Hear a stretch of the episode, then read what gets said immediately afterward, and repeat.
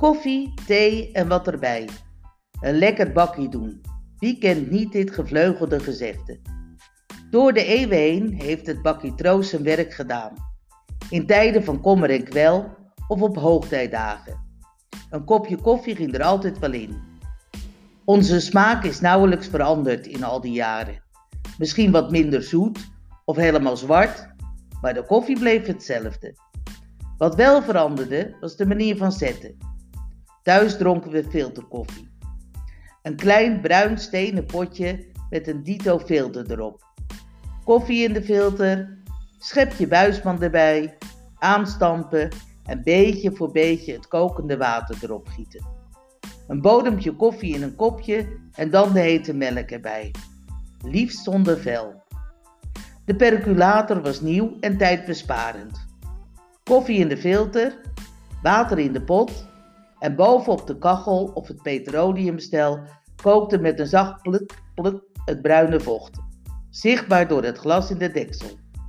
Met deze koffie, wat minder sterk, werd het kopje tot ver over de helft gevuld.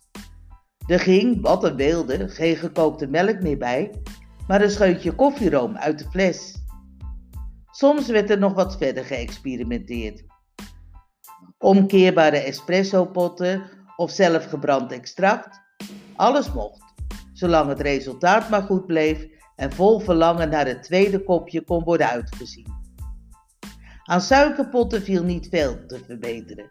Hoewel eind 50 jaren de suikerautomaat in geen gezin ontbrak.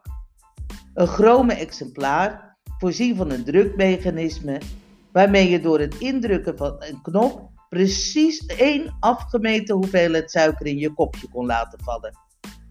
Toch was dit voorwerp van vernuft maar een kort leven beschoren. Na enkele jaren was het geheel uit de mode en moesten wij ons weer behelpen met het ordinaire suikerpotje en bijbehorende schep. Bij koffie hoorde wat. Een koekje of gebakje en dat betekende op zaterdag een half pond koek halen bij de bakker. Afhankelijk van de financiën was het banketkoek, mooi opgemaakt met spijs of room gevulde koekjes, goede koek, van zand of bladerdeeg met roomboter gebakken, of gewone koek, die er hetzelfde uitzag als de goede, maar waarvoor een mindere kwaliteit boter was gebruikt.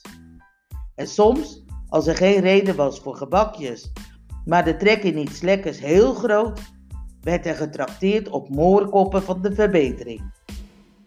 Een ronde met chocola overdekte schuimlaag gevuld met naar rum smakende crème.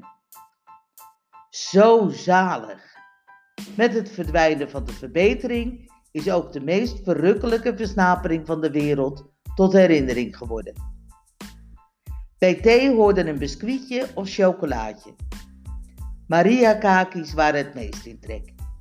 Op zon- en feestdagen vervangen door kattentongen of flikken. Paaseitjes op het lentefeest en met Sinterklaas een keuze uit chocoladebeestjes, suikergoed of borstplaatjes. In de vijftiger jaren werden grootse reclameacties voor thee gevoerd. In verenigingsgebouwen, bioscopen of andere zalen werd je uitgenodigd mee te doen aan de voorlichtingscampagne. De thee werd er gratis geschonken en onder de deelnemers werden prijzen verloot. Zoals voorraadbussen en fraai verzilverde theelepeltjes. Ondertussen werden de gulden theeregels erin gestapt. Pot omspoelen met kokend water. één schepje thee per kopje Plus daarbovenop één schepje voor de pot. Ik heb het altijd onthouden. Nu ik kant-en-klare theebuiltjes gebruik, is dit tot overbodige kennis geworden. Maar dat maakt niet uit hoe je het zet, elektrisch of handgestuurd. Het wordt zeker weten pas echt gezellig met een lekker bakje.